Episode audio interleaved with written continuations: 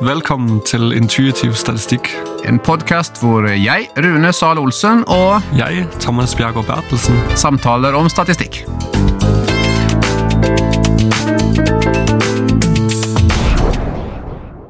I dag skal vi da gå videre på å snakke om ulike måter å representere data på. Vi snakker om, eh, ikke nå på en måte om gjennomsnitt og median og mode, men nå om spredningen rundt dette. For det er jo ikke bare ett tall man er interessert i. på en måte. Ja, det, det er det gjennomsnittet, men, men hvordan er det rundt det? Vi snakket om eh, at det var i gjennomsnitt 1,62 barn som kvinner i Norge føder i løpet av sitt liv. Men det kan jo være interessant å vite altså, hvor vanlig er det at en kvinne føder bare ett barn? Hvor vanlig er det at de føder to, og tre, og fire, og fem, osv.?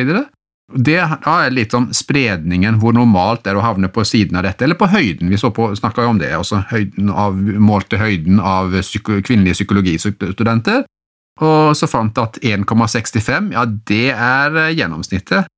Men hvor uvanlig er det for eksempel å være 1,75? Eller hvor, hvor uvanlig er det å være 1,83? Jeg kjenner en dame som er eh, 1,95. Det skiller seg ganske mye, men, men med hvor uvanlig er det? Det er det vi skal snakke om i dag. Da kaller vi det jo da, kommer vi snakke om variasjonsbredde, altså range, og vi kommer å snakke litt om eh, standardavvik og varians. Men hvis vi da beveger oss inn i det kliniske feltet igjen, så, så hadde jo du en del ungdom, du fikk en 30 cirka, som slet med angst. Og eh, de skårte da på denne skjemaet, og de skårte da mellom 10 og 83 Ja. vel det ja, høyeste. på dette SKAS-skjemaet. Ja. Så det sier jo litt om, for meg i hvert fall, litt om den, eh, den øvre og nedre eh, grense. Ja, for det var ingen som skårte null. Nei, det var det ikke. Eh, men, men allerede der, sant, det å ha en øvre og nedre grense, det hjelper meg til sånn å ja, forstå i hvert fall sånn at hvis jeg da får en ny klient som ligger utenfor disse, da er det, da er det jo lavt eller høyt, siden de skårer høyere eller lavere enn det som jeg har sett før. Ja, Hvis de skårte 100, da? Ja, da, det vil jeg si det, det er jo For det, det går an å skåre 100, eller? Ja. Ja, det går an, ok. Ja, Ja. Men da vil du tenkt, det var veldig uvanlig. Ja, det var veldig uvanlig, fordi tidligere har jeg kun sett folk som har skåret 83. Så det, det, det er jo variasjonsbredden, eller rangen, Ja. eller minimum og maksimum, som sier noe om sånn, hva, hva som er typisk på en veldig eh, grov måte, da. For det, den som skåret 83, vil man kanskje også si at "Dem, det var jo også ganske høyt. Men du hadde et gjennomsnitt på 32,5, Ja, mens da de fleste, sa du, de lå mellom 20 og 25. Men variasjonsbredden totalt sett den er altså fra 10 til til 83. 83. Men, men også her må vi jo forholde oss til hvilken type data vi har. Og, og dette kjenner vi jo nå, at vi da må ha ordinaler, altså, som er noe orden på. Ja. Kan ikke ha kategoriske data. Nei, det, det funker dårligere der. Der er kanskje variasjonsbredden ikke et spesielt nyttig mål. Litt sånn som hvis vi eh, ja, sa liksom sånn, ja, vi har en, en pose med frukter, eh, og den ene frukten er eh, appelsiner, og den en annen frukten er epler. Der sier det altså ikke noe om hva som ligger der imellom. Eh, at det er pærer i dette eksempelet, men, men eh, ja. Men da kan det være interessant å vite at det finnes tre typer frukt, eksempel. Det det, kan kan, det kan det være. Men vi har også noen annen måte vi kan eh, snakke om bredde på, eller variasjon på, eller den slags. Og da er det vanlig å snakke om eh, standardavvik, eller som det på engelsk eh, standard deviation, og derfor står det ofte i artikler og sånn, så står det SD for standard deviation. Så la oss bevege oss tilbake da, til dette eksempelet vårt med de kvinnelige studentene. Mange ligger midt på, noen ligger veldig lavt, noen veldig høyt. Og som jeg sa, jeg, jeg kjenner ei som da nærmer seg to meter. Og så, eh, Da må vi nesten se for oss denne normalfordelingskurva, som jo er en sånn bell curve, altså er en klokkeformet eh, kurve, hvor de aller fleste ligger på rundt gjennomsnittet der. Men så kan jo en sånn kurve den kan jo være veldig eh, smal og høy, og den kan være lav og veldig brei, altså at det er stor spredning. Eh, Så det varierer jo. Så det er jo ikke én klokkeform bare, men det er jo mange varianter av klokkeformen. Mhm. Og da mine, gjennomsnittet, forteller hvor senter på denne klokka er. Og så har vi da standardavvik og variansen som forteller noe om hvor brei han er. Jeg, jeg tenker hvis, eh, hvis vi tar for oss først variansen, for den er kanskje mest intuitiv å forstå Ja. først. Altså Hvis vi ser for oss eksempelet her med, med høyde, at vi spør kvinnelige psykologistudenter hvor høye de er Mm. Så fant vi jo gjennomsnittet på 1,65. Ja. Ja. Og så for hver person i det datasettet så undersøker vi eh, hvor langt er deres høyde fra gjennomsnittet. Så for eksempel en person som er 1,60, de er da 5 cm under. Og, og en som da er 1,70, er jo da også 5 cm fra. Ja. Eh, og, og sånn går vi på en måte igjen alle sammen og undersøker hvor langt er de vekk fra gjennomsnittet. Så når man har for alle personer informasjon om hvor langt vekk de er fra gjennomsnittet, så tar man da gjennomsnittet av det tall, altså gjennomsnittet av avvik. Eh, Gjennomsnittet av hvor mye de skiller seg fra eh, senter, som da er, min eller gjennomsnittet er. Ja. Så hvor mye de rett og slett varierer fra dette gjennomsnittet. Så variansen sier noe om eh, hva er eh, den gjennomsnittlige variasjonen fra gjennomsnittet. Og det kan jo være at det er liksom sånn, ja, et eh, pluss-minus 10 centimeter. Gjennomsnittlig variasjon er 10. Det var det som var typisk å ligge vekk fra. Og da vil jo noen ende opp med null i varians, der, på en Mhm. måte, eller eller, i, forskjell, og, og noen da ganske mye. Men hvis man da beveger seg videre fra varians og så inn i standardavvik, eller da som det er på da, engelsk standard deviation, forkorta til SD, så eh, gir det et litt annet bilde. Det er et bildet i forhold til av spredningen på denne gruppa. Da ser vi for oss denne klokkeforma bilde, som er eh, som- en god gammeldags kirkeklokke, som eh, da har senter, der kroken på en måte henger, det er eh, i min eller gjennomsnittet. Og så finnes det jo veldig vide klokker, om man skal si det sånn, eh, som er ganske lave, men breie. Og så finnes det klokker som er veldig høye, og nesten sånn spisse som en rakett, men det er fortsatt en eh, normalfordelt kurve. Og da har vi da standardavviket forteller noe om den bredden. Hvor mye er det egentlig disse dataene våre skiller seg fra dette, her, sånn at fra dette gjennomsnittet? Og Det et, eh, kan gi et ganske godt bilde. Så selv bare med da to tall, et tall som forteller gjennomsnittet og et som forteller spredningen, bredden på denne, så kan vi beregne ganske mye. Man snakker om ett eller to eller tre standardavvik, over eller under. Og eh, over eller under min, da så eh, vet man at eh, 68,2% av alle dataene vi har, de ligger innenfor ett standardavvik.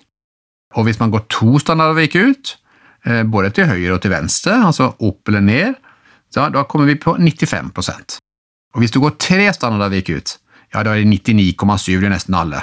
Så hvis, du, liksom, hvis dine data, eller den, den pasienten du møter, liksom er innenfor et standardavvik, ja, da vet du jeg. De er altså rett og slett blant eh, 90 eh, Blant 68% av alle. Er er det to standardavvik, ja, da er de innenfor 95. Og hvis det faktisk er sånn at ja, Vi snakker om høyden nå igjen, da. Hvis det er en som er som jeg kjenner som er nesten to meter, av damer, ja, hun vil være tre standardavvik ifra, eksempel. Ja, og så tenker jeg sånn, ikke sant, og den intuisjonen eh, for, for standardvike er egentlig bare eh, kvadratroten av variansen. Og det, det, trenger man ikke å tenke så mye på, sånn, men det er på en måte et sånn matematisk trekk eh, som gjør at man kan si veldig mye om hva som er typisk. Eh, sånn som det du sier, at, eh, at hvis du ligger innenfor et standardavvik, så vet vi at du, er, du ligger innenfor samme om, område som 68 eh, av alle andre. Det er jo ganske typisk. At du ligger i samme område som 70% av folk. Eh, nesten. Det, det er ganske vanlig å ligge der. Samtidig så kan man si at det, hvis du har ett standardavvik høyere enn min, ja, så ligger du høyere enn 85% av alle i gruppen. Så bare med å vite det, så vet du ok, du er faktisk over 85% av de andre som er med her. Ja, og ikke sant, det er sånn som du sier med hvis du kjenner en som er veldig langt utenfor, da kan du si ok, der, der ligger du kanskje høyere enn eh, 99 eller 95 Så det, det gir en relativt intuitiv eh, forståelse at eh, ja, det er jo veldig mye hvis du er høyere enn 95 av alle kvinner. Da, er du ganske høy. Eh, men hvis du er like høy som som hvis du ligger i samme høydeområde som 70 av folk, det er, nei, det er ganske vanlig. Så de gir sånn noe intuitiv informasjon, egentlig. Og, og, ofte så har vi interessert i nettopp disse standardviker. Ligger du innenfor første, eller ligger du over første, over andre, over tredje? Som egentlig gir ganske mye informasjon eh, på kort tid. Ja, for det handler jo litt om det, og på en kortfatta måte fortelle så mye som mulig, uten å på en måte kunne måtte vi oppgi alle tallene.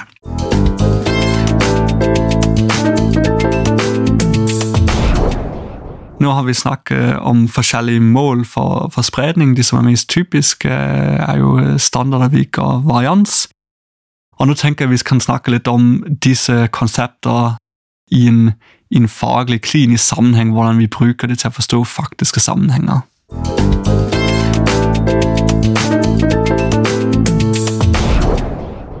Men hvis vi da skal bevege oss inn i det kliniske igjen, eh, til disse ungdommene som sliter med angst, så sa du at gjennomsnittet målt med SKAS var 32,5, men eh, så kommer da Sofia, kan vi si, da, som har 36, altså litt over gjennomsnittet ditt.